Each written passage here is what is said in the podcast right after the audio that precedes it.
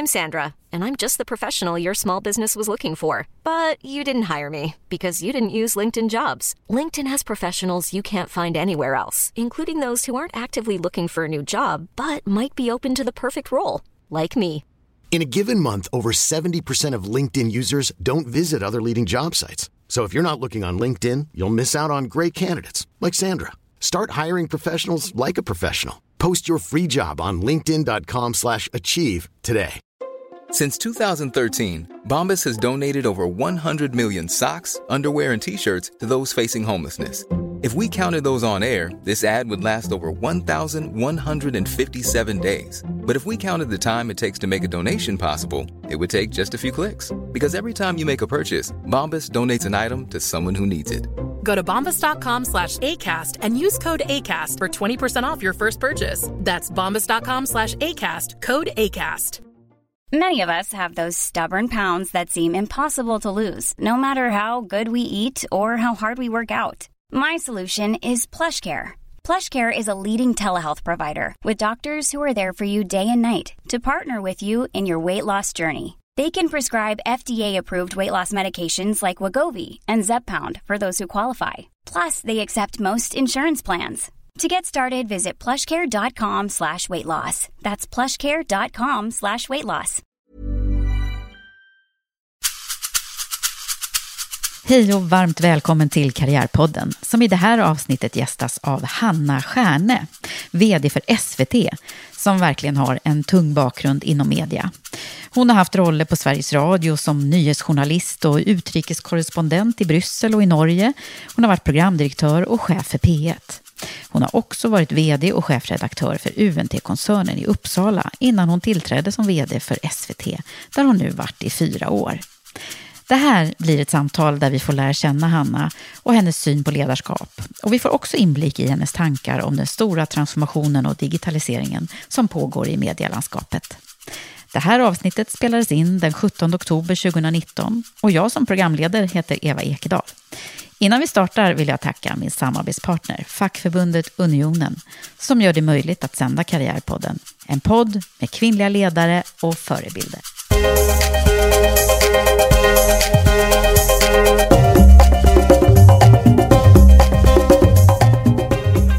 Hanna Stjärne, välkommen till Karriärpodden. Tack. Du har ju inte varit med här förut, men det är väldigt många andra poddar. Men nu ska du få berätta din historia, tänker jag. Och det är ju så spännande. Hur många år sedan är det du klev in i den rollen som, som du har nu som vd för SVT? Drygt fyra år är det nu. Ja. Då är man ju väldigt nyfiken att höra, hur, hur har du haft det de här fyra åren? Nej, men det har, det har ju hänt väldigt mycket. Dels har det hänt väldigt mycket på SVT.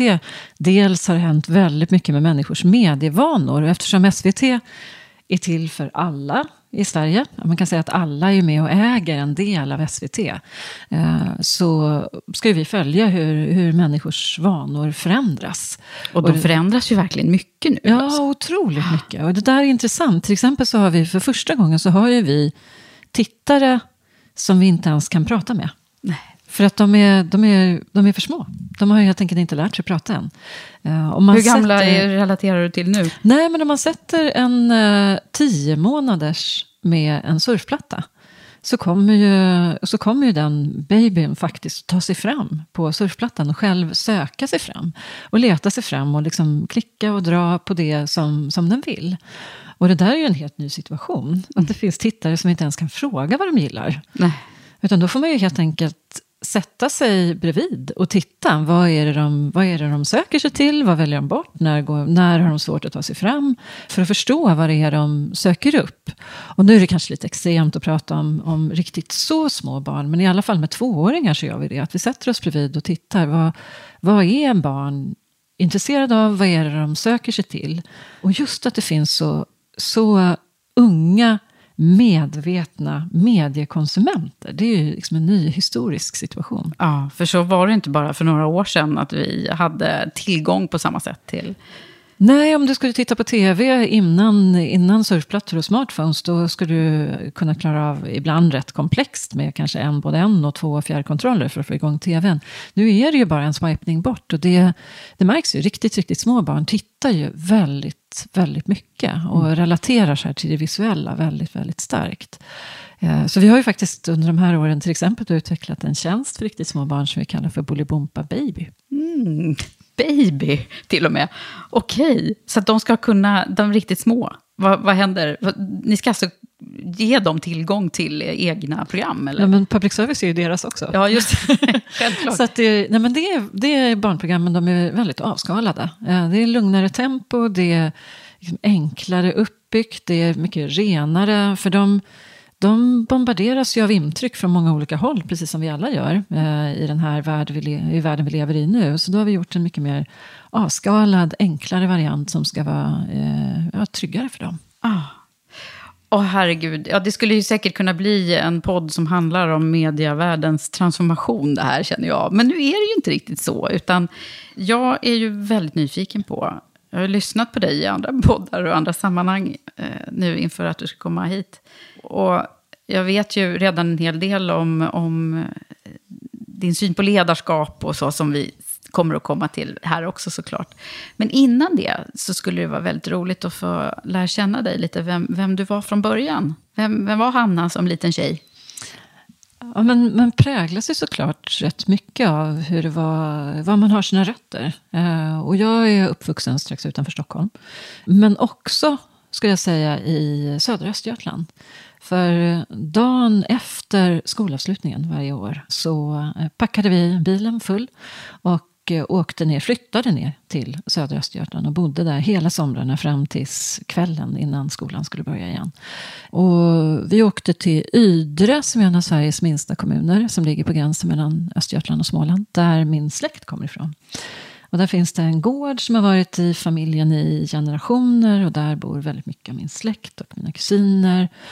Uh, och där var jag på gården och gick ut i gummistövlar med mina kusiner och hämtade in mjölkkorna när de skulle in och mjölkas mm. i ladugården. Där plockade jag smultron och lingon och byggde lådbil och lärde mig simma i eh, sjön Sommen som är en eh, väldigt klar, eh, djup insjö men därmed också väldigt kall. Mm. Så som lite så här smal, spetig eh, flicka så var det väldigt, väldigt kallt att lära sig simma i just den sjön. Eh, men det här har påverkat mig på många olika sätt. Och det var också så att på helgerna när vi var där så åkte vi ganska ofta in till Tranås. Vi åkte till stan helt enkelt. Det var ju närmsta stan. Och eh, i Tranås så finns det ett torg som sluttar från, från Storgatan ner mot ån. Och där var det marknad ofta på helgerna, marknadsstånd. Eh, så där sprang jag runt med mina kusiner. Och då ibland så hände det att vi stötte på Lennart Hyland. Jaha. Han, han kom ju från Tranås. Ja. Eh, så han var ju där ibland. Och eh, då hejade vi på honom, för det kändes ju som att han var vår. Alltså på något vis. Vi såg ju honom, man såg ju honom alltid i rutan. Mm. Och jag har tänkt på det där ibland, för att så, så är det ju att jobba med tv. uh, alltså det där att man på något vis är allas och är tillgänglig för alla. Och det var också så att det var liksom min enda kontakt med medievärlden när jag växte upp. Jag kommer från en familj där ingen någonsin har haft jobbat med medier överhuvudtaget. Så för mig var liksom resan att ens tänka sig att det skulle kunna vara en plats för mig var väldigt, väldigt lång. Eh, så det var min, min men, kontakt men, in mot medievärlden när jag växte Var det så att du tänkte att du skulle vilja jobba på tv, precis som, som Hyland då? Liksom? Nej, inte Nej. alls. Inte alls. Alltså, det var ju snarare så att den tanken var väldigt, väldigt långt bort. Liksom. Mm. Så när, när vi hejade på honom på, på torget i Tranås så var det ju mer bara att han var, just den här känslan av hur man faktiskt om man jobbar på SVT är allas. Man är ju allas person också rätt mm. mycket. Mm. Den har jag tänkt på nu i efterhand. Men sen har jag också tänkt på det där att det är ganska många som jobbar som journalister till exempel kommer från mediefamiljer. Jag gör inte det alls. Utan min familj i eh, södra Östergötland, de, många av dem är lantbrukare. Uh, och det är ytterligare en sån sak som jag tänker på rätt ofta, som jag nog har med mig från uppväxten. Att uh, uh, mina kusiner eh, driver ju bolag. De driver ju företag. De har ju ofta flera företag. Eh, många av mina vänner och bekanta där driver ju också bolag. Och det kan jag tänka på ibland också om man tittar i media till exempel. Att bilden av entreprenörskap är ju ofta lite schablonartad. Kan jag tycka. Mm. Det är ganska ofta eh, en... Eh, en kille kanske 25-årsåldern som har startat ett IT-bolag och så har det gått jätte, jättebra. Medan i själva verket de flesta entreprenörer i Sverige är, är ju personer som liksom startar bolag eh, och gör, sköter sin egen sysselsättning och kanske har någon anställd men inte så mycket mer. Som har bolaget hemma eller i garaget eller, eller så. Och som, eh, som driver det här och som har sånt otroligt drive eh, själva som är enormt imponerande. Och det Ibland kan jag säga självkritiskt tänka att vi i medierna är inte så bra på att skildra det. Det är ju väldigt många kvinnor som startar bolag också. Ja, det är ju det. Och, och ännu flera ska det bli förhoppningsvis. Som, ja, och det hör man inte så mycket om, nej. som jag tror att man borde. Mm. Så jag har med mig också en bild av liksom både den här driv, starka drivkraften eh, och har sett den på väldigt nära... Jag kommer ju från en familj där det är väldigt, väldigt vanligt.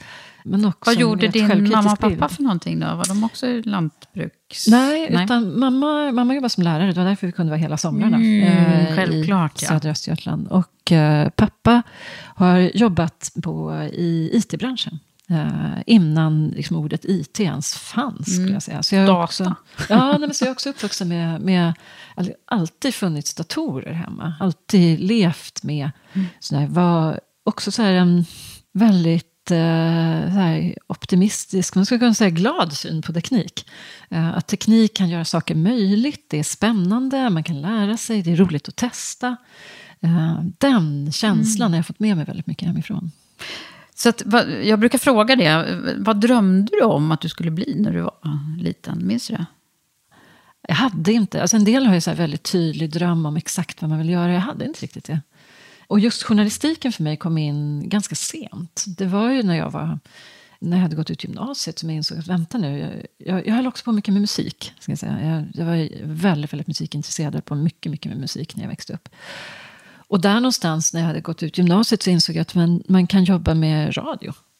Eh, som ju är till hälften musik. Eh, och eh, då kan man kombinera ett starkt samhällsintresse, att gilla att skriva att vilja jobba med människor, att vilja vara i flödet av allt som händer med ett starkt musik, musikintresse. Eh, så, då... så det var musiken som drog dig till radio? Liksom?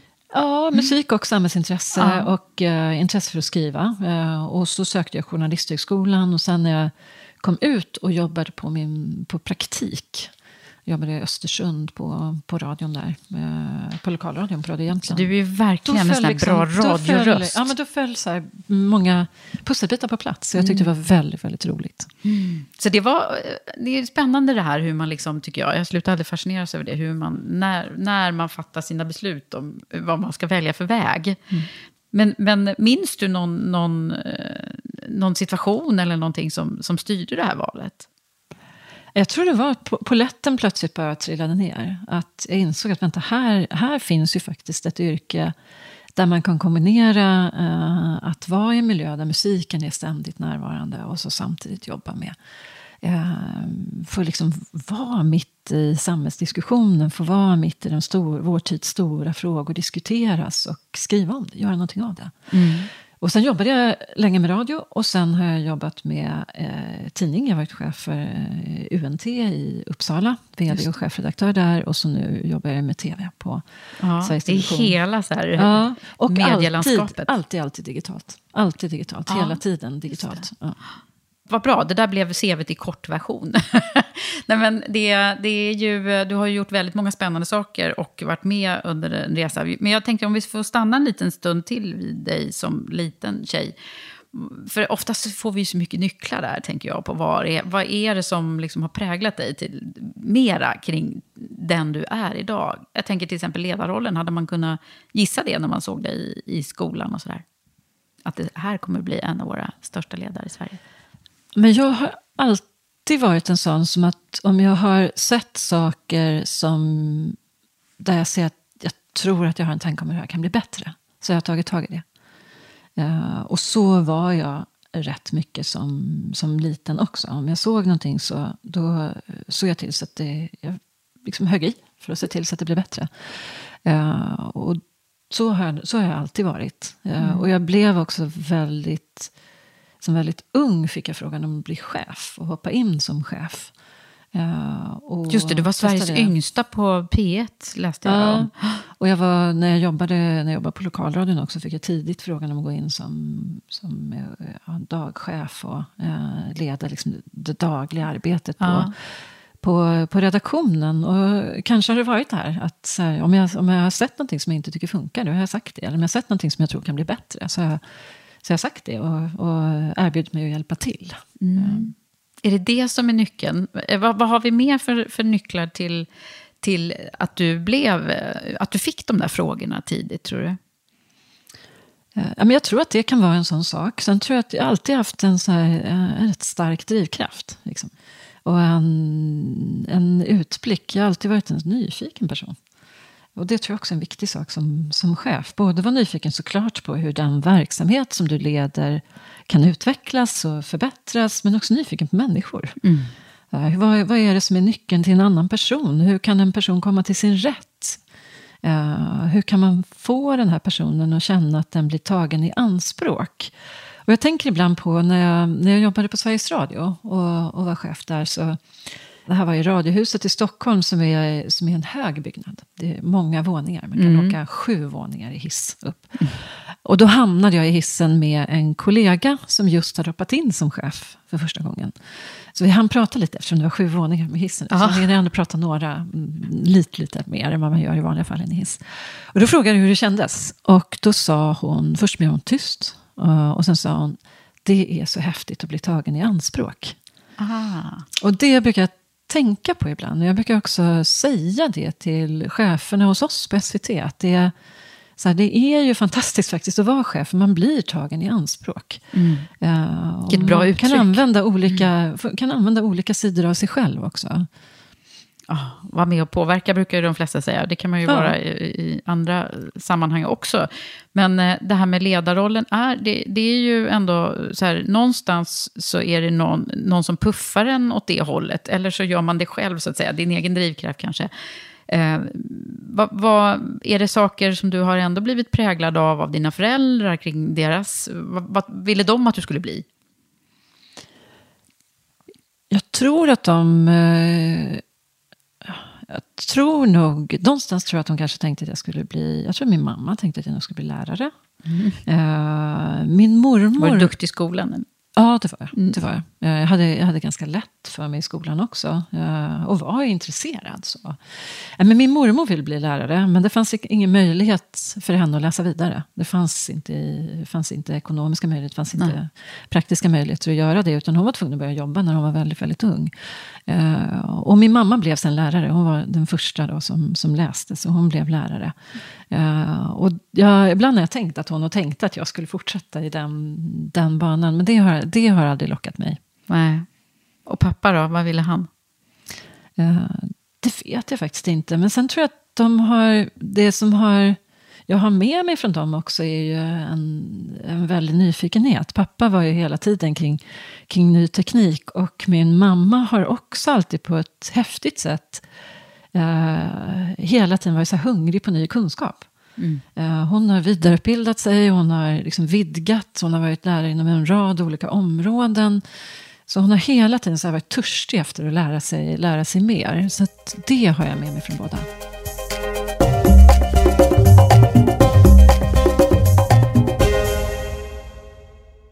Under den här eh, journalistiska karriären har det ju hänt säkert massa saker som är händelser och så. Men om du skulle försöka pricka in eh, några höjdpunkter i din karriär. Så här, vi lägger ut hela så här, karriären här. Vad är det som har, vad är, jag brukar prata om toppar och dalar. Vad, vad, om vi plockar topparna först. Ibland hör ju de ihop Mm. faktiskt. Ja. Toppar och dalar kan höra ihop. Det kan de Eh, verkligen.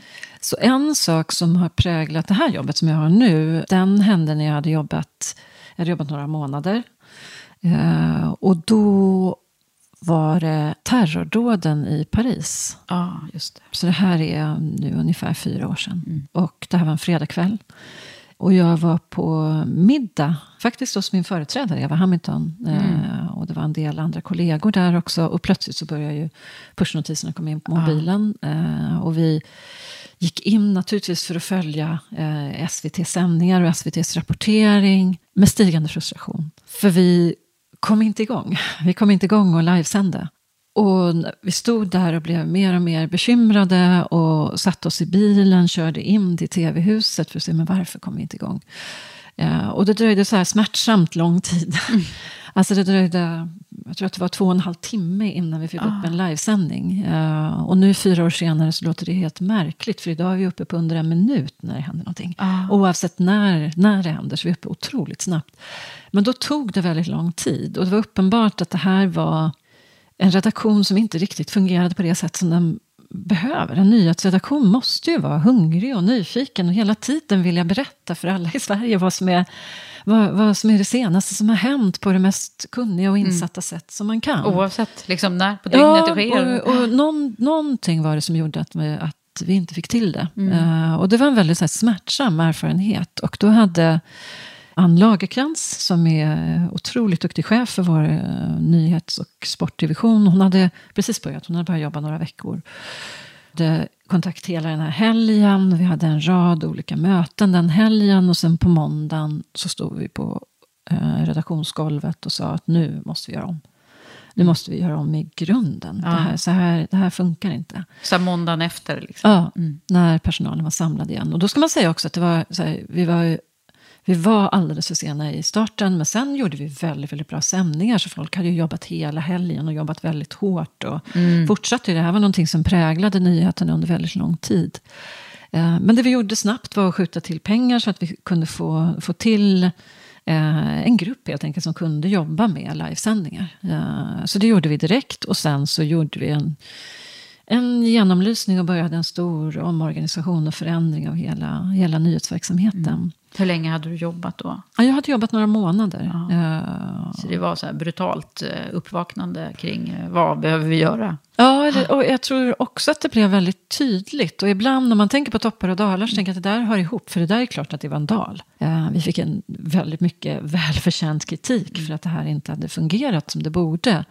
Men det blev också en katalysator för en förändring som är en av de som jag är allra gladast för. Ja, som du har Nu drivit några år då. senare. Mm. Ja, för då drev, jag var ju bara en liten del av det, utan Ann som chef för nyheterna tillsammans med många, många medarbetare drev den här förändringen. Och den var väldigt genomgripande. Vi förändrade alla roller på det vi kallar för riksnyheterna som är Rapport Aktuellt och ja, liksom de program som når ut över hela, mm. hela landet. Där förändrade, förändrade vi alla roller. Ingen var garanterad sitt gamla jobb, Nej. utan alla fick söka nya roller på redaktionen. Uh, och vi så vi förändrade mycket in i grunden i tankemönstret. Och vi la också en större tyngdpunkt på um, vår digitala nyhetstjänst. Uh, därför att tittar man på tittande på Rapport och Aktuellt så är det, det är en hög medelålder bland tittarna. Mm. De är otroligt viktiga. Men för oss är alla tittare lika viktiga. Så vi måste ju också finnas till för tittare i alla åldrar, även de yngre. Och så gjorde vi en en genomgripande förändring. Och eh, här för ett tag sedan så fick vi sånt otroligt fint kvitto på att allt det här hårda jobbet som så många har lagt ner har varit värt det. För där, där gör vi, vi, ja, men vi gör undersökningar efter varje, i samband med varje val. Vilka nyhetskällor har människor i Sverige vänt sig till? Mm. Och när vi jämförde den undersökning då som gjordes 2014 innan det här hade hänt, med den som gjordes efter valet 2018, så kunde vi se att förtroendet för våra nyhetssändningar online hade ökat kraftigt. Om man till exempel tittar på förtroendet bland förstagångsväljare. Alltså det är 18 till 21-åringar. Vi vet att de, de är ofta väldigt svåra för alla medier att nå. Eh, men förtroendet för våra nyheter online eh, hos förstagångsväljare mellan 2014 och 2018 hade ökat med 20 procentenheter. Ah. Och det är så här Alltså det, jag har aldrig sett en så stark wow. uppgång. Um, så det som var... Så det här är ett jättebra exempel ja. på hur en dal blev en, en, en, en bra sak utav det då, ja. så att säga. Och där tänker jag också att en, en del av det är ju såklart ledarskap. Mm. I så många av cheferna på vår, i vår nyhetsorganisation klev ju in. Och sa att nu måste vi göra om. Och de gjorde liksom hela det här jobbiga eh, omställningsarbete tillsammans med medarbetarna. Och lyckades få till en så stark och kraftig förändring utifrån någonting som var, som, något som var väldigt, väldigt jobbigt, blev något mm. väldigt, väldigt starkt. Hur, minns du hur du själv har lärdomen för dig, för dig liksom personligen i den här resan? Vad var det? Också att när, när det händer den här typen av saker, att eh, om man har ögat på bollen, alltså vad var det här egentligen handlar om? Och om man som chef klarar det och kan det och ser, vänta nu, vad handlar det här om egentligen? Och faktiskt också orkar, när det är, även om det här var ju en akut kris för oss, mm. eh, om man orkar hålla i och tänka den långa tanken i det och ser vad som kan komma ut av det, så, så går det ofta att vända det här till någonting som är riktigt, mm. riktigt bra. Men då måste man ju fundera på vad handlar det här om i grunden. Och för oss var det ju inte bara att göra den här första åtgärden, som var vi skjuter till pengar och, och, och startar en grupp som kan jobba med livesändningar. Det löste ju symptomet. Aha. Men det som fanns i grunden var ju att vi såg potentialen att eh, jobba ihop på nyhetsredaktionen så det skulle kunna bli ännu bättre. Mm. Det fanns ju mycket större potential och det är ju den som vi har, eh, har lyckats få loss. Ja.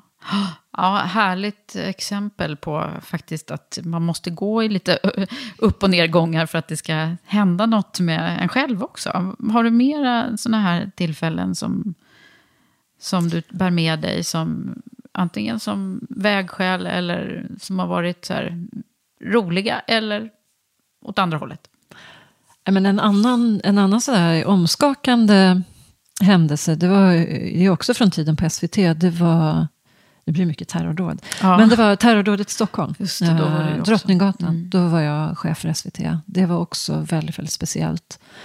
Uh, vi hade styrelsemöte. Det var en fredag eftermiddag. Mm. Uh, mitt på eftermiddagen. Och vi hade styrelsemöte. Skulle precis runda av. Och då kom det också flashar i, i mobilen. Och um, jag sprang ut tillsammans med några andra i styrelsen. Vi hade eh, chefen för Stadsteatern i Stockholm satt i vår styrelse då. Och det här hände ju precis vid Sergels torg där Stadsteatern ja. ligger. Så att han sprang också ut. Så vi, vi sprang ut och försökte se till så att, liksom det, det, att allt jobb var igång på våra respektive arbetsplatser. Och eh, som chef i det läget så, så blir det ju två perspektiv. För mig handlade det ju mycket om att se till så vår nyhetsverksamhet var igång. Att vi eh, skötte sändningarna bra, att nyhetsrapporteringen var igång, att allting sånt fungerade. Att se så att de hade goda förutsättningar. Kolla om det var någonting som jag kunde göra för att hjälpa till.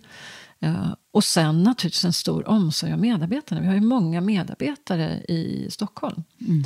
Uh, och den här oron som slår en direkt. Så här, hur är det med Alla. medarbetarna? Måtte inte någon, någon, någon av våra reportrar eller eh, fotografer mm. eller eh, ekonomer eller så var där. Eh, måtte ingen vara drabbad. Måtte ingen ha en, någon i sin familj som är drabbad.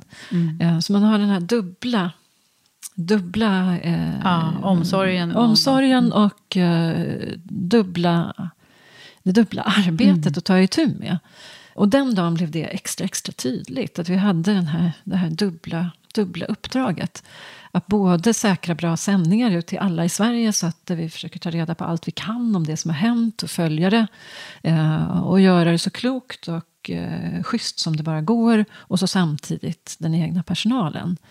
Och i det här, det här med den egna personalen, där blev ju ytterligare en dimension väldigt tydlig. Just det här att alla har ju familjer. Alla var ju oroliga för sina familjer. Mm att försöka se till. Det blir så, så tydligt hade, då. Ja, liksom, måste ha en chans är... att ringa, ringa hem och mm. försöka ta reda på och också säkra så där, hur, en fredag eftermiddag, hur, när vet vi att det är tillräckligt säkert för, för våra medarbetare att gå hem? De hade ju barn som väntade på dagis. Mm. De hade ju skolbarn som var ensamma hemma och hade gått hem efter skolan som var oroliga och längtade mm. efter sina föräldrar. Så hur, när kunde vi släppa ut medarbetare eh, på väg hem? Så det var väldigt många eh, saker där chefskapet sattes på prov. Och jag kommer specifikt ihåg, för det var ju, det var ju många, vi var ju väldigt, väldigt många som jobbade och jobbade otroligt sent. Eh, vi jobbade ju halva natten och jobbade hela helgen med att få till riktigt, riktigt bra sändningar. Och då, på den kvällen, vi såg till så att matsalen, vi har en, eh, en personalmatsal, att den var öppen sent. Och på kvällen när jag, när jag kom ner i matsalen och skulle äta så var det en av våra medarbetare som kom fram. Han är, han är döv. Vi har ju, vi har ju nyheter på teckenspråk. Så vi har mm. många medarbetare som är döva hos oss. Uh, och jag kan bara ett fåtal tecken. Så att han började skriva på sin mobil för att skriva en fråga till mig. Och så skrev han sådär, hur är det med dig? Skrev han. Mm. Och det var så otroligt fint, för då hade jag, jag insåg plötsligt att jag har ju gått runt och frågat alla andra. hundratals mm. människor här och jag har skickat mejl till våra, alla våra anställda. Eh, men det var så otroligt fint att få den frågan tillbaka ja. och som påminnelse om i en sån situation hur viktigt det är som chef att ställa den frågan. Mm. Eh, för att det är så viktigt att få den ja, i ett sånt sammanhang. Eh, hur var det med dig då? Ja, men det var bra. Uh, jag är, I sådana lägen blir jag, jag blir rationell. Och samtidigt så, så har jag hyfsad koll på just så här att det viktiga är hur medarbetarna mår. Och i det här fallet också att de får liksom, en chans att checka av hur det är med familjerna och också faktiskt åka hem och natta mm. sina barn. Mm. Ja, så här prekära situationer. Och då minns man ju, alla minns ju liksom de där, vart man befann sig. Och det är ungefär som när Olof Palme dog också. Det kan alla liksom ja. relatera till var man, var man var någonstans. Och du har ju bevakat nyheter, jag tänker tidigare i din karriär av eh, den här karaktären också. Är det så att du har tränat upp den här skillen, tänker jag, när jag hör dig berätta nu? Det kan ju bli så när man jobbar med eh, en nyhetsverksamhet. Mm. Eh, för det är klart att du jobbar med nyheter så kan vad som helst kan hända när som helst. Så är det ju. Det är ju, det är ju själva kärnan i jobbet. Mm. Att man kan sitta så här, man kan sitta och prata, man kan sitta och tänka att man jobbar i lugn och ro. Och så plötsligt händer det någonting och då mm. måste hela mm. redaktionen vara på tårna. Och och eh, som vi jobbar nu med livesändningar till exempel, då har vi ju medarbetare som sitter beredda och som kan vara igång med en livesändning om, oavsett vad det är som händer, mm. inom en minut. Mm. Det visar ju också hur medarbetare måste kunna greppa över ett brett fält. Mm. Att ena sekunden kunna på ett kunnigt sätt och ett värdigt sätt berätta om en Eh, en person i kultursfären som, som har gått bort till en världskonflikt. Uh, och att aldrig veta när det inträffar. Och det, har, det, har, det är klart att det har präglat mig också, att vara, vara mitt i den typen av händelser. Och jag har ju varit i många olika roller. Det här som jag beskrev förut var ju som när jag varit i det som chef, men när jag jobbade på Ekot för, för länge sedan, då var jag studiereporter. Jag var programledare, jag var rösten i radio. Mm. Och då jobbade jag bland annat... Nu är du rösten i podden. Ja, precis. ja. Eh, nej, men jag jobbade bland annat som det den dagen, dagen efter att Estonia hade sjunkit. Då var jag rösten i radio i P4, som är Sveriges Radios mest avlyssnade kanal. Och den som skulle bära det här budskapet till många. Så det var du som fick berätta det? Ja, det var mm. jag som berättade för väldigt mm. många. Och det, det är också en otroligt speciell eh, känsla. Att man å ena sidan sitter och arbetar intensivt för att få reda på så mycket som möjligt för att kunna berätta det till alla i Sverige. Å andra sidan själv naturligtvis kanske bara delvis i den stunden ändå tar in. Mm. Vad är det som har hänt de här hundratals människorna som har varit på den här båten den här natten? Mm. Precis, man liksom är berörd själv samtidigt som man ska leverera det här på ett, på ett bra sätt. Då. Uh. Både liksom faktamässigt och... Uh. Och vi, jag jobbade ju många dagar sen efteråt. Det här var ju första dagen bara, men jobbade många dagar och var, var just studiereporter. Och jag kommer ihåg några, några dagar senare, det var, det var in på helgen, då, då sitter man tajtare, en tajtare grupp och jobbar. Då jobbade vi på Ekots centralredaktion, Ekojouren kallas den. Och då var det den person som var daglig chef som plötsligt, han satt med hörlurarna på som du gör nu mm. Eh, och lyssnade på ett inslag. Så då han bara ner dem och så plötsligt så sa han sådär, oj, jag har just insett att inga ingen förälder som hade med sig barn kan ha överlevt på Estonia. För man är med sitt barn i ett sånt här läge. Uh, alla familjer måste ha dött. Alla föräldrar har ju stannat med sina barn. Mm. Och den blev, då blev det så här otroligt drabbande för oss alla. Så vi bara tystnade allihop. Och den där... Så där är det ju ibland Ja. att jobba på nyhetsredaktion. Att man, man är ju mitt i det som är väldigt, väldigt tunga saker. Och ibland är det som är väldigt, väldigt starka, roliga saker. Eh, Det kan Mm. Men det här vara- spektrat ja, är det ju spektrat väldigt blir ju, och det, kan, och det slår in alltså. direkt. Det kan vara eh, Duplantis som plötsligt liksom Mm. är väldigt nära att vinna guld i VM. Mm. I stavhopp. Och sen så slår det om till någonting helt Det annat. där har jag det fascinerats av faktiskt, då, när, man, när man tittar på nyheterna och sådär. Kanske de här morgonprogrammen framför allt. Hur det också svänger mellan, alltså hur man klarar av, från att ha lanserat eller liksom pratat om en sån här nyhet som kan vara fruktansvärd till och sen byta till något lättjefullt. Att det, att det, ja, det kräver ju sin träning förstås, men Ja. också lite svårt ibland att ta, ta in som, som tittare tycker jag.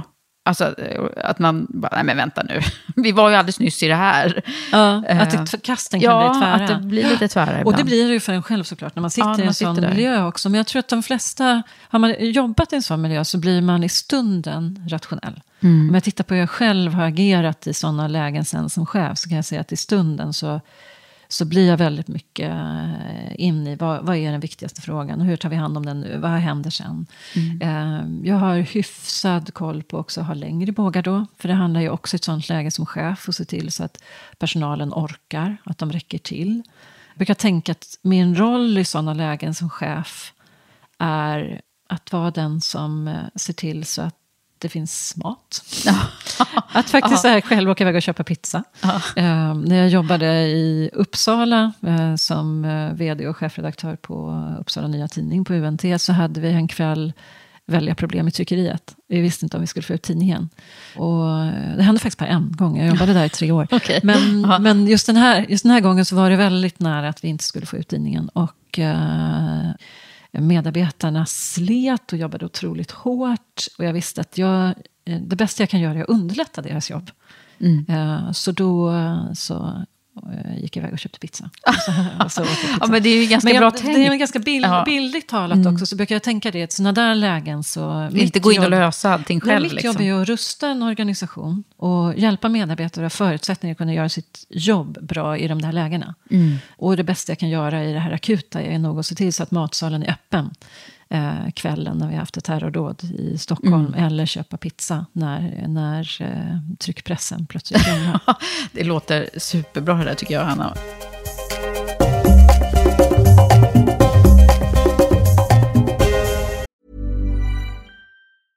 Cool fact a crocodile can't stick out its tongue. Also, you can get health insurance for a month or just under a year in some states. United Healthcare short term insurance plans, underwritten by Golden Rule Insurance Company, offer flexible, budget friendly coverage for you. Learn more at uh1.com. Planning for your next trip? Elevate your travel style with Quince. Quince has all the jet setting essentials you'll want for your next getaway, like European linen, premium luggage options, buttery soft Italian leather bags, and so much more. And it's all priced at 50 to 80% less than similar brands. Plus, Quince only works with factories that use safe and ethical manufacturing practices. Pack your bags with high-quality essentials you'll be wearing for vacations to come with Quince. Go to quince.com slash trip for free shipping and 365-day returns. Millions of people have lost weight with personalized plans from Noom, like Evan, who can't stand salads and still lost 50 pounds. Salads, generally, for most people, are the easy button, right? For me, that wasn't an option. I never really was a salad guy. That's just not who I am. But Noom worked for me. Get your personalized plan today at Noom.com. Real Noom user compensated to provide their story. In four weeks, the typical Noom user can expect to lose one to two pounds per week. Individual results may vary. Hey, it's Ryan Reynolds, and I'm here with Keith, co star of my upcoming film, If, only in theaters, May 17th. Do you want to tell people the big news? All right, I'll do it. Sign up now and you'll get unlimited for $15 a month in six months of Paramount Plus Essential Plan on us. Mintmobile.com slash switch. Upfront payment of $45 equivalent to $15 per month. Unlimited over 40 gigabytes per month. Face lower speeds. Videos at 480p. Active Mint customers by 531.24 get six months of Paramount Plus Essential Plan. Auto renews after six months. Offer ends May 31st, 2024. Separate Paramount Plus registration required. Terms and conditions apply if rated PG. Hey there, it's Michelle Norris. I'm host of a podcast called Your Mama's Kitchen. When I travel, I'm usually looking for a way to find a taste of home when I'm not at home. And one of the things I love to do when I am at home is entertain. And Airbnb allows me to do that. When I was in California recently, I rented a house that had a great kitchen. And when we were sitting around the table, we're all thinking, we're in someone else's house. Someone could be in all of our homes as well. If you have a home, but you're not always at home, you have an Airbnb. Your home might be worth more than you think. Find out how much at airbnb.com/slash host.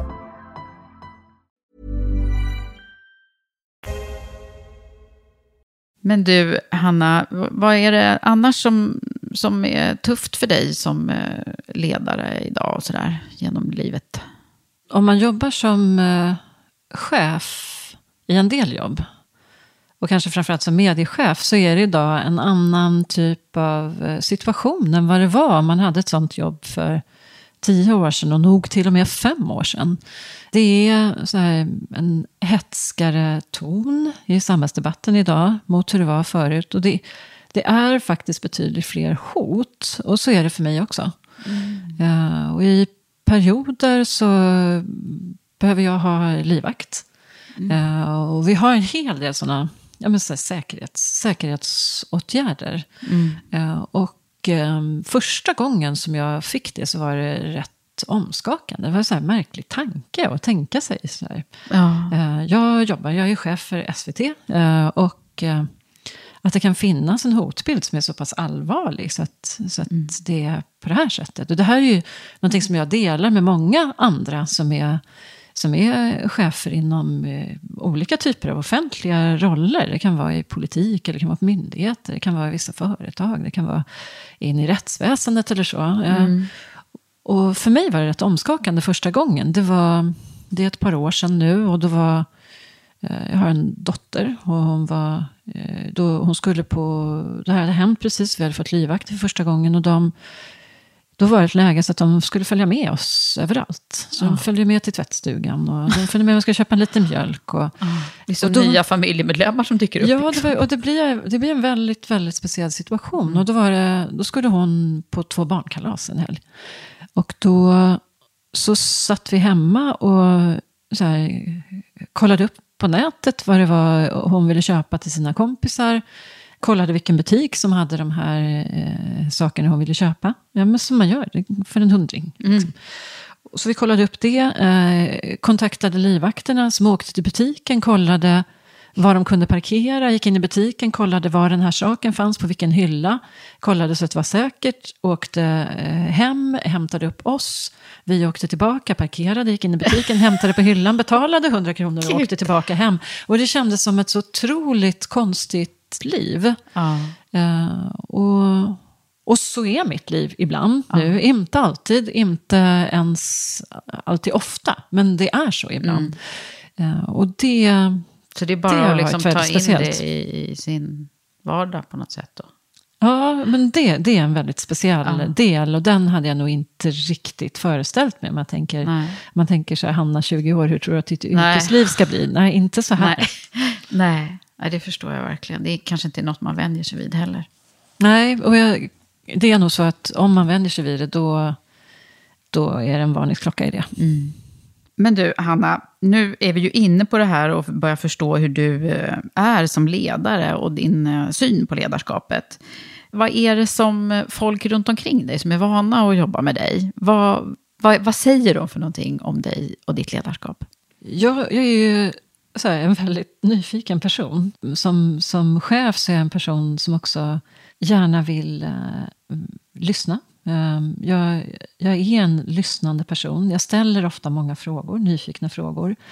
Uh, jag brukar ibland när jag börjar jobba med, med en ny nära kollega så brukar jag säga att jag har ett, jag har ett förståelsebehov. Jag, vill, jag är nyfiken.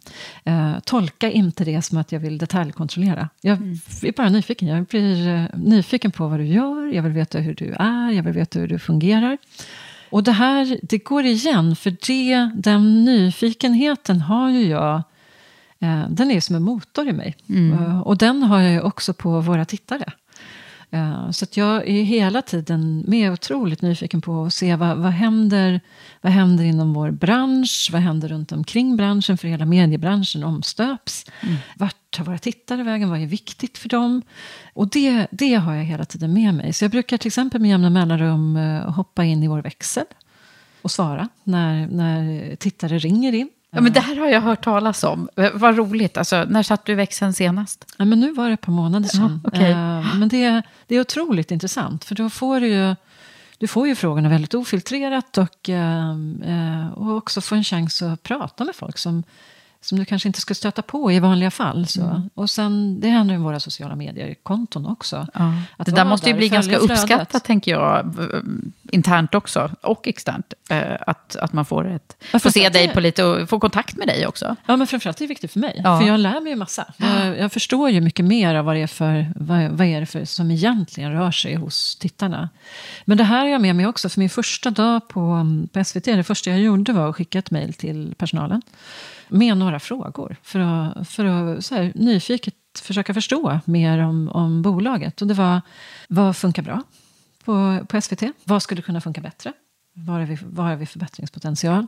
Eh, och hur skulle du vilja att SVT såg ut om fem år? Mm. Eh, och jag fick otroligt mycket spännande svar. Eh, jag fick så många hundra svar från medarbetare som var genomtänkta, kloka, spännande, intressanta, modiga. Jag gjorde faktiskt så att jag tryckte ut alla dem för att ha kvar dem. Oh. Och så har jag dem i tre pärmar på, på mitt rum. Och de här går jag tillbaks och eh, tittar i med jämna mellanrum. Men det är flera tusen nyttigt. medarbetare som svarade då, eller? Ja, flera hundra. Vi är, två, vi är 2000 medarbetare. Ja. Men det var en väldigt stor andel som, som hörde av sig. Uh, och jag har haft en enorm nytta av det. Uh, för det gav, dels så gav det mig en snabb bild av bolaget. Men sen också otroligt mycket kloka idéer som kom upp. Och det visade ju också att det här är, det är ett bolag med otroligt engagerade människor som, som är stolta över att jobba på SVT, men som tar sitt uppdrag på väldigt stort allvar. Mm. Det där att vara till för alla i, i Sverige och, och verkligen så här, varje dag, varje sekund göra sitt bästa. Mm, vad härligt. Det blev ett, ett, liksom ett, ett schema för dig på något sätt. Och sen kan du gå tillbaka till det här. Är det mycket som har införlivats av, av de här sakerna som folk ville? Ja, men jag tror när man, jobbar med, när man jobbar med förändring i ett bolag så brukar jag tänka att det är, man får jobba med två, två perspektiv. Ett är en långsiktig förändring som rör hela bolaget. Det tar ofta tid. Eh, det handlar ju om eh, en kultur som kanske gradvis förändras. Det tar lång tid. Och eh, relativt stora bolag som också är rätt komplexa som SVT. Vi gör ju allt ifrån internationellt drama till program för, för barn, till nyheter, till vetenskapsprogram, till sport. Och i ett sånt bolag så, så tar liksom den här typen av större eh, förändringar mm. som också kanske påverkar företagskulturen, de tar lång tid. Men man kan också jobba med snabbare förändring, när man kan låta en del av bolaget springa före.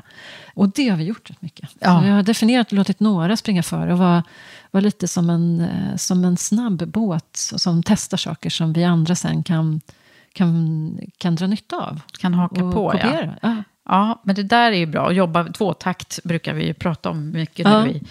Och apropå det då så tänker jag att jag ställer ju alltid en fråga till mina gäster här som jag är så nyfiken på själv nämligen. Och som handlar om det moderna ledarskapet som vi försöker ringa in. Vad är det, vad är det som krävs ännu mer av, tror du, i framtiden kring det moderna ledarskapet? Vad behöver vi göra ännu mer av? Eller nytt? Men jag, jag tror uh, att just det här perspektivet av att lyssna och att göra det på riktigt och verkligen mena det på allvar är väldigt, väldigt viktigt i, i um, allt ledarskap.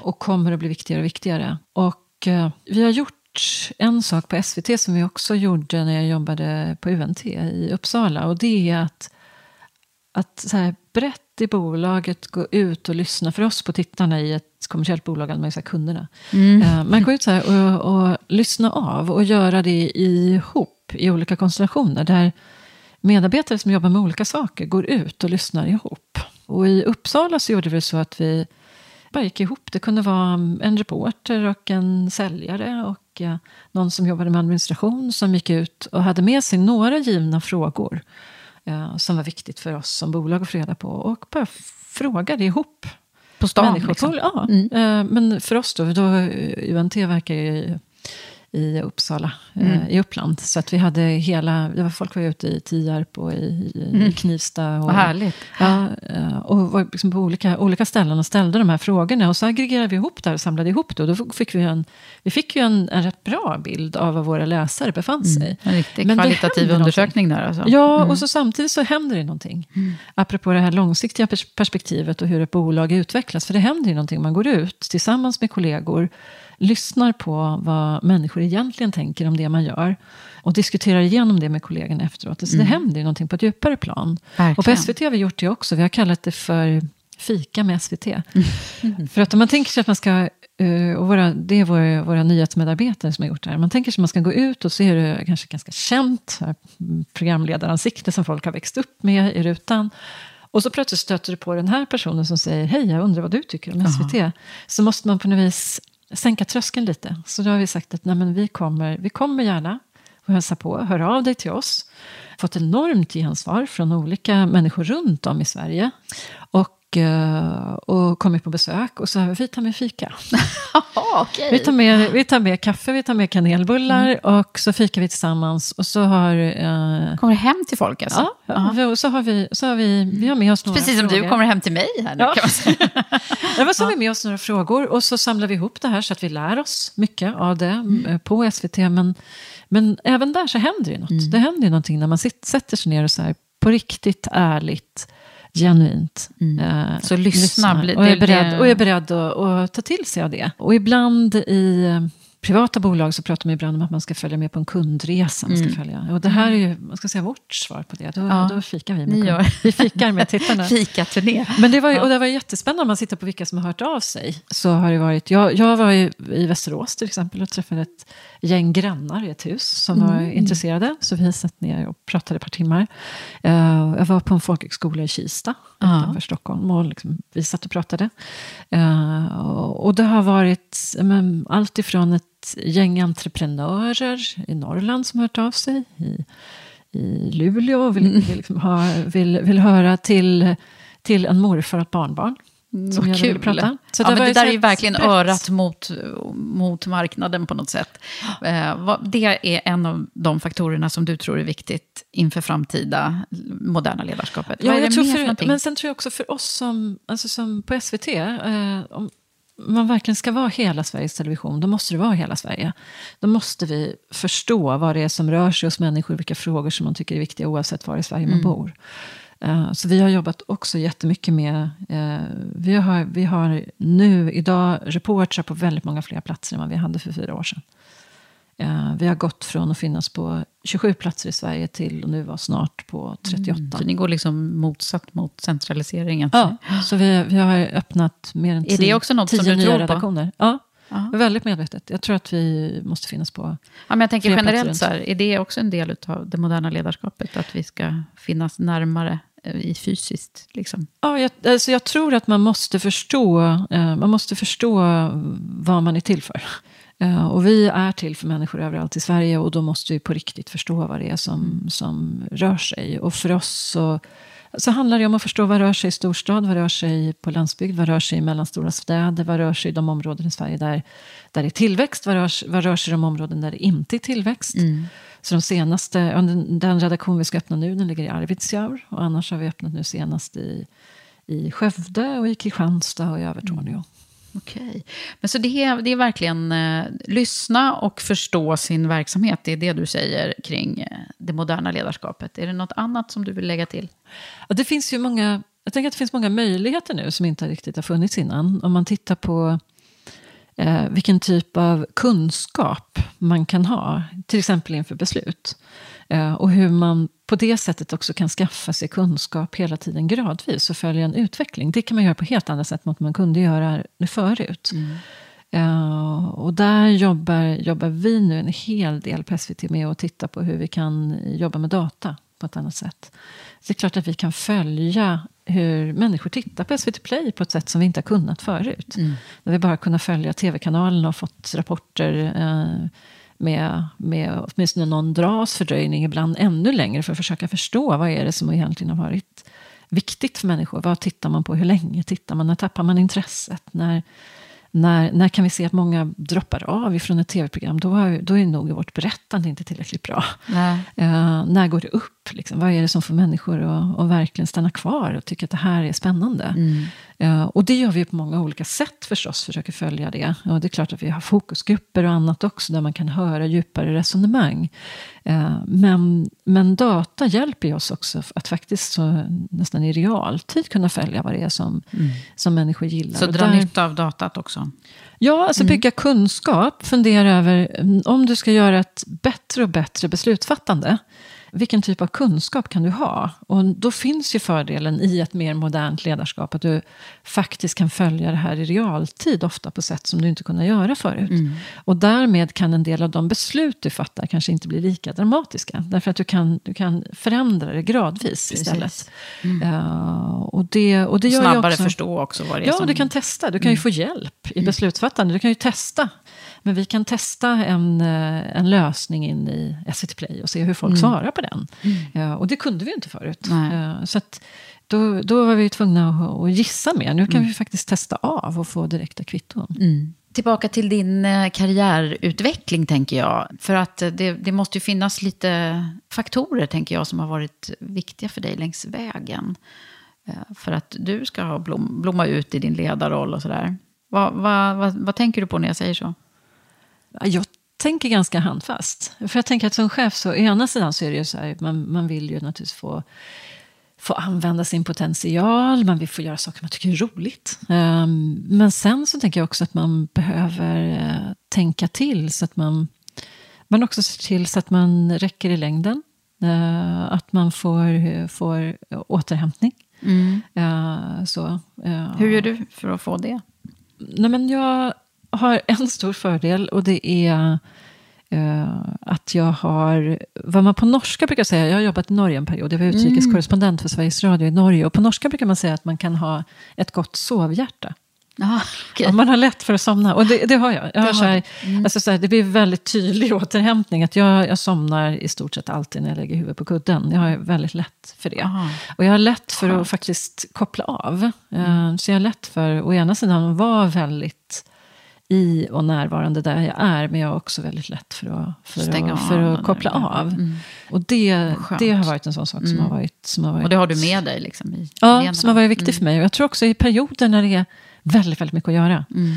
eh, Så vet jag ändå att när jag kommer hem och lägger huvudet på kudden Mm. så sover jag. Mm. Finns det personer och, och mentorer och sådär som figurerar också i, i dina tankar när vi pratar om din egen liksom, karriärresa? Ja, så har det ju varit. Tror jag att det är för de, för de allra, allra flesta. Och vi pratade ju förut om det där, liksom hur, hur kommer det sig att man får en fråga, till exempel om man Mm. blir chef? Hur ser, hur ser det där ut? Och där har ju jag haft personer som någonstans har, har trott på mig och också gett ett stort förtroende i så här, men det här kommer att lösa sig, det här kommer du att greja. Och det har funnits flera sådana, flera sådana längs vägen. Där jag har fått sådana frågor och också hamnat i valet, så här, vill jag göra det här, vill jag inte göra det här? Och ganska ofta då valt att, att tänka sådär, vad, vad ångrar jag mest om jag inte gör? om, jag, om jag får den här frågan nu, Ja. och så, så, om jag säger ja eller om jag säger nej, vad, vad kommer jag ångra det efteråt? Mm. Och oftast då så har det ju landat i att nej men, jag säger ja, hur, hur, liksom, hur krångligt kan det vara? Jag provar. Och sen har jag Var det så när du skulle fatta beslutet kring SVT? Eller? Ja, eller ja, nej men det, jag har haft, jag flera gånger har det varit så faktiskt. Att jag har haft med mig den tanken att det är så här hur, jag, jag provar och sen så, eh, så försöker jag mig om att det finns personer runt mig som jag också kan ha hjälp av. Mm. Så Har du, har du haft eh, uttalade mentorer och coacher? Jag har alltid haft det. Ja. Eh, Jag har alltid sett till så jag har det. Mm. Eh, Dels har jag haft personer som, som, eh, som jag har jobbat nära, som har fungerat så. Men sen har jag alltid också sett till så att jag har någon person som inte är i min arbetsvardag som jag har kunnat bolla med. Mm. Och det har varit olika personer i olika perioder, för jag har behövt lite olika saker. Men jag har en mentor nu Mm. också. Som, och det är väldigt, väldigt bra att i ett, en otroligt intensiv vardag, att då och då se till så att jag har liksom det här, en person som jag går iväg och träffar och som följer mig, Mm. men som inte följer mig i vardagen. Och när jag, när jag går dit så vet jag att eh, hon, just nu har en kvinnlig mentor, Mm. Härligt, eh, som, har säger varit, jag. som har själv varit VD, som själv har varit VD tidigare. Eh, och som, som, eh, som jag kan bolla med. Och eh, också som hjälper mig att och så här, hålla i det långsiktiga perspektivet och få proportion på saker. Och så. Jag har några frågor kring vad får dig att gå igång och bli så riktigt engagerad? Jag kan gå igång eh, i stunden eh, på när det är någonting, någonting som händer. Jag, har ju, jag har ju började ju jobba som nyhetsreporter, det sitter i. Det kan jag gå igång på. Om det händer någonting och jag ser att här kan vi göra skillnad, här kan vi här, göra ett resultat ganska här, Det här kan bli bra. Det kan jag gå igång på. Mm. Men sen går jag också igång på det som som jag egentligen tycker är allra, allra roligast, det är om jag jobbar med eh, kollegor, med medarbetare, eh, där, jag ser, där jag ser att de utvecklas. Där jag ser att här är en person som inte hade gjort på det här sättet för ett år sedan, eller inte hade tagit sig an den här frågan, eller som, som nu plötsligt går in på det här området och Mm. lär sig det och gör det bra. Alltså se när människor tar steg som, som de nog inte själva riktigt såg att de skulle kunna göra. Men de gör det och det går bra. Och se liksom hur, hur snabbt de kan växa med det. Mm. Det är otroligt häftigt. Vad får dig att...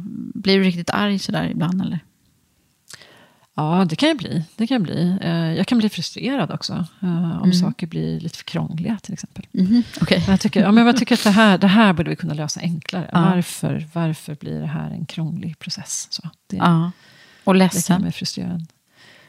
Ja, men då är det mer... eh, det är klart att som chef så blir du väldigt påverkad.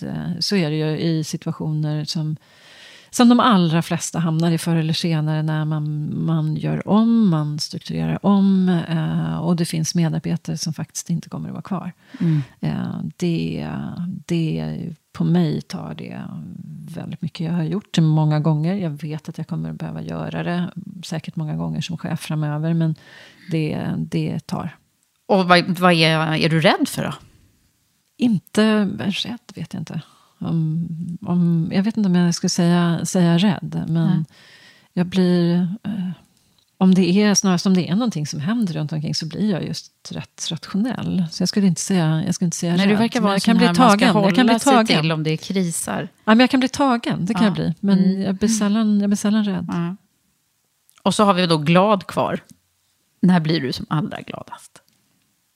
Fast det, är, fast det är just det här, eh, när jag ser att eh, medarbetare tar kliv som Mm. de nog inte ens själva tänkte att de skulle vara möjliga att göra. Och så gör de det. Och så, och så landar det. Och Mm. ser den känslan hos, hos folk. Det tycker jag är otroligt häftigt. Mm.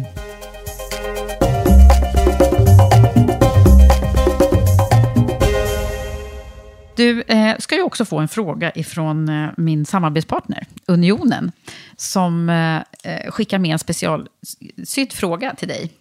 Och den låter så här, den har du inte fått tänka på så länge. Den låter så här, journalistiken och de stora mediehusen sägs ibland vara gated communities för vit medelklass. Vad gör ni för att förbättra jämställdheten och mångfalden? Jag tänkte på det häromdagen, för då såg jag en bild som var tagen från en debatt, här bara för någon vecka sedan, där cheferna för de stora tidningsföretagen eh, satt på podiet. Mm.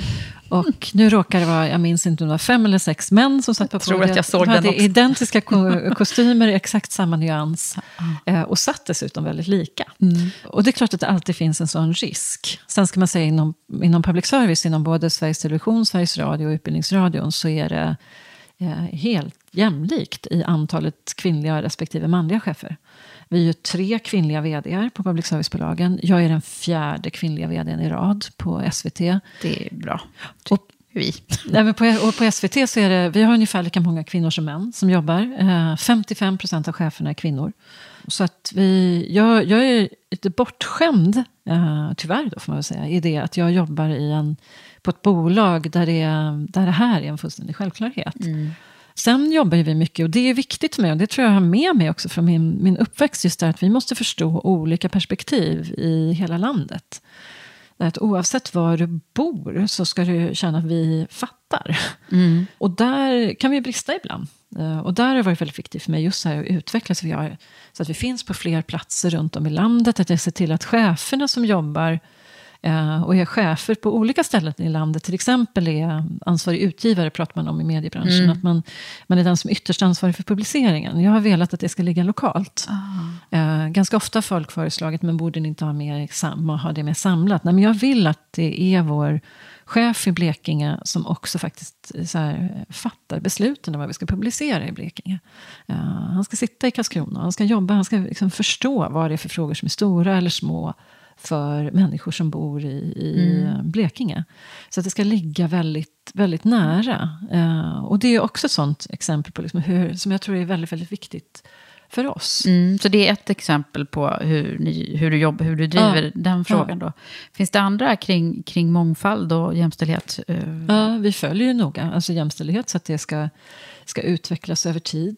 Eh, vi jobbar och har, tror jag, en bit kvar. Men vi har kommit en bit på vägen när det gäller att göra väldigt medvetna rekryteringar. Mm. Eh, för någonstans är det där det startar också. Så där, får vi i en rekrytering verkligen in eh, personer som är de absolut mest kvalificerade? Eller har vi någonting hos oss som gör att vi får ett för snävt urval? Ja, om det är kvinnor och män, om det är en annan typ bakgrund av olika slag. Om det handlar om att vi kanske söker för snävt geografiskt. Eller vad, vad det än handlar om. Precis. Hur ser vi till så att vi får, får ett tillräckligt bra urval? Mm. Eh, det har vi jobbat mycket med, men jag tror att vi har en bit kvar. Ja, det där är ju bra. Det är oftast där det börjar, att man säger att man får inte några andra ansökningar. Men det kan handla om hur man, hur man riktar, eh, hur, vilket språk man använder, och språkbruk i annonser och allt sånt som helt plötsligt spelar vilket ganska stor roll. sammanhang, om du ska annonsera, i vilket Precis. sammanhang Vart letar annonserar man du? Hur, ja, Mm. hur formulerar du kompetens? Vad är det som är den viktigaste kompetensen för just det här jobbet? Mm. Ja. Men du, om vi skulle summera lite grann nu. Om du tänker på att vi är i Karriärpodden och eh, du ska ge dina absolut bästa råd och tips baserat på dina egna lärdomar. Som har varit viktiga för dig.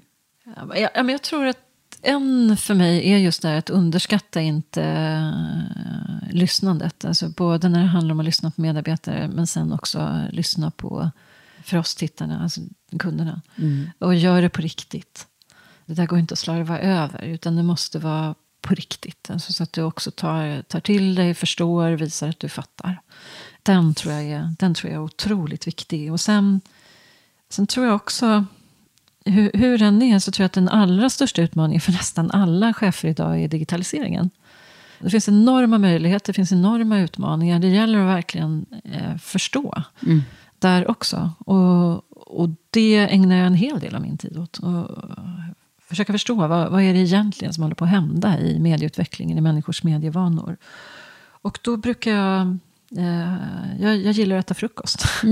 Så jag har som ett eget mått för mig själv att jag ska ha, eh, äta frukost med minst en, helst två personer som jag inte gjort det förut med varje månad. Ah. Eh, som ska ge mig en ny kunskap av något slag. Som, som jag tror kan ge mig det. Som handlar Eh, som jag är om, nyfiken på. Som eh, handlar om digitalisering så här, i framtiden specifikt digitaliseringen men framförallt inriktad mot, mot medieområdet. Mm. Eh, Så där kom den här nyfikenheten då mm, också Ja, men jag tror det. Alltså, så här, jo, men att, och att tänka igenom, så här, men vad, för det är både det själva mötet men också att man hela tiden lever med frågan, vad, vad är jag nyfiken på att lära mig mer av så att mitt bolag blir så bra som möjligt. Mm. Eh, och så att jag blir så bra som möjligt i den roll jag har. Mm. Vad är jag nyfiken på att lära mig mer av? Mm. Och sen brukar jag ganska så här, krasst för, för min egen del, för att, som, som chef blir du ju du blir hela tiden bombarderad med frågor såklart. Ja, och för att se, se till också så att jag gör så medvetna val i det lilla som möjligt. Så brukar jag med jämna mellanrum sätta mig ner och så brukar jag tänka, hur ser en typisk vecka ut för mig nu? Om jag tänker över de sista två månaderna, hur har en typisk vecka sett ut? Vad har jag lagt min tid på? Så brukar jag bara tänka det så här i veckoformat. Så här, hur, vad har jag lagt min tid på? Och nästan varje gång jag gör det, det är min fälla i det sammanhanget, så ser jag att jag har lagt eh, för mycket tid med samma personer i samma mö- mötesrum. Jag har alltså varit för introvert, Ja. jag har liksom gjort det för, i en liten, lite för liten krets. Jag har lagt för mycket tid på den typen av internt arbete. Och då blir nästan alltid lärdomen att jag ska rikta mig mer utåt. Och att jag ska fundera ibland över hur delegering. Och eh, fundera över input in i det rummet också. bra ledarskapstips där. Och om man tänker, eh, om du skulle tänka eh, den här frågan som du säkert har fått förut, vad hade du gett för råd till dig själv då? Om, du, om vi tänker på att du var 20 igen. Då hade jag, då hade jag sagt till, till eh, 20-åriga Hanna, så jag sagt, sagt så här, att när du, om du står inför ett större beslut, så här, tänk på, skilj ut om det är ett större, för det första. Ja, för så är det ganska mycket som, som chef också, rätt mycket av besluten som jag får nu, de är de riktigt svåra. Det är de här som står i 50-50. Mm. För de beslutar är så här, ja, men man ser ganska snabbt att 60% talar för att vi ska gå åt ena hållet, 40% åt andra. Då är de ju mer givna. Men de som står där och väger, de, det är de som ibland når mig. Men står man inför ett sånt knivigare, större, svårare beslut, så sov på saken. och så här billigt mm. talat också. Mm. Så här, det är sällan riktigt så bråttom som man tror. Utan så här, se till så att Antingen att du kan ta ett djupt andetag eller få fem minuter för dig själv. Eller faktiskt så här, eh, Jag brukar ibland skriva ner på kvällen. Så här, vad, vad tänker jag? Hur, vad borde vara den klokaste vägen och varför? Och så plockar jag upp det. Så jag säger, nej men nu, nu går jag och lägger mig. Och så mm. plockar jag upp det på morgonen. Och om, om det håller i, både utifrån faktaunderlag och känsla. Mm. Eh, så och håller i sig, då går jag på det. Då funkar det. Men, Men du... ganska ofta så ändras det ändå viss mån i tyngdpunkten ja. när jag liksom har, har, har fått processa det. Mm. Att sova på saken, är det också ditt eh, livsmotto? Eller har du något annat sånt? Jag har, nej, jag har inget riktigt livsmotto. Så. men jag tror så här, om man, jag tycker det är svårt med livsmotto. Det är också en sån fråga som man får ganska ofta. Men, mm. men om jag skulle säga så här, ett av de så bästa besluten som jag själv har, har fattat kring mig själv, så har det varit också, apropå det här att se till att sova ordentligt, att eh, så här, ta hand om sig själv, så är det faktiskt att jag, jag springer. Mm. Att hitta liksom sitt sätt att i vardagen få till uh, att ta hand om sig själv. Mm. För mig har det varit fantastiskt bra, för då kan jag liksom kasta med löparskorna oavsett om jag åker till Sundsvall eller om jag åker till Halmstad. Så, mm. så, så, är de med. Så Spring, är du maratonkvinna? Eller? Nej, absolut inte. Jag Nej. behöver inte springa långt. Jag behöver inte springa, utan jag, jag springer 7-8 kilometer varannan mm. dag ungefär. Det låter som bra råd. Tack snälla Hanna för att du har varit med här hos mig i Karriärpodden. tack själv. Stort tack till dig som har lyssnat. Det är så roligt att det är så många som har hittat till oss på Karriärpodden och Women for Leaders. Och vet du vad? Vi är just nu själva inne i en expansiv fas och rekryterar en community and social media manager som ska vara med oss och hjälpa oss att ta oss till nya höjder. Så vill du veta mer, gå in och läs på womenforleaders.com. Till sist, men inte minst, vill jag rikta ett tack till Unionen som verkar för ett jämställt näringsliv för alla. Du kan läsa mer på unionenopinion.se eller följ Unionen Sverige i sociala medier.